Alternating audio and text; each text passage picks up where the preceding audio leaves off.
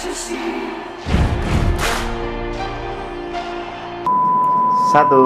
dua, tiga. Assalamualaikum guys.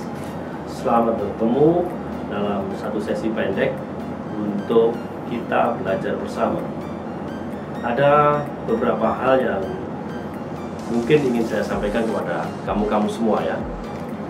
Misalnya beberapa bulan terakhir Kita sering sekali mempergunjingkan film yang bercerita tentang kejayaan Queen satu kelompok musik yang berasal dari Inggris.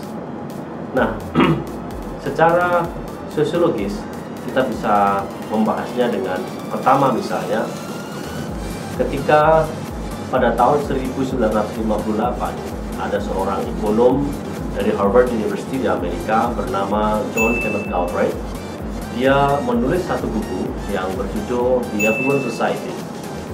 Nah, apa yang diceritakan oleh buku itu adalah ketika industrialisasi berhasil dan pembangunanisasi berhasil membawa kemakmuran di belahan bumi Eropa dan Amerika.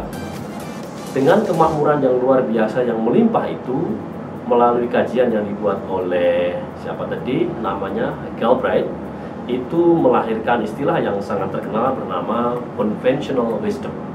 Nah, apa hubungannya dengan film Queen yang di dalamnya melakukan lagu yang berjudul Bohemian Rhapsody? Di dalam satu perjalanan yang diutarakan, yang dikisahkan oleh pemain utama, di situ tercermin dalam lagu tersebut bahwa perjuangan untuk menikmati kelimpah ruahan itu dimulai dari satu perjuangan panjang dari bawah. Dan banyak perdebatan dimulai mulai dari perbelahan identitas terus pergulakan batin konflik keluarga dan seterusnya.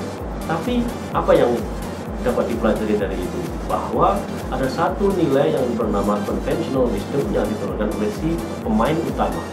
Nah oleh karena itu lagu itu sebetulnya merupakan satu ekspresi dari pemain utama yang yang mana merekam realitas-realitas sosial di mana orang-orang yang telah sukses, tengah sukses, melampaui kejayaannya yang bermula dari perjuangan yang luar biasa, dia kemudian menikmati.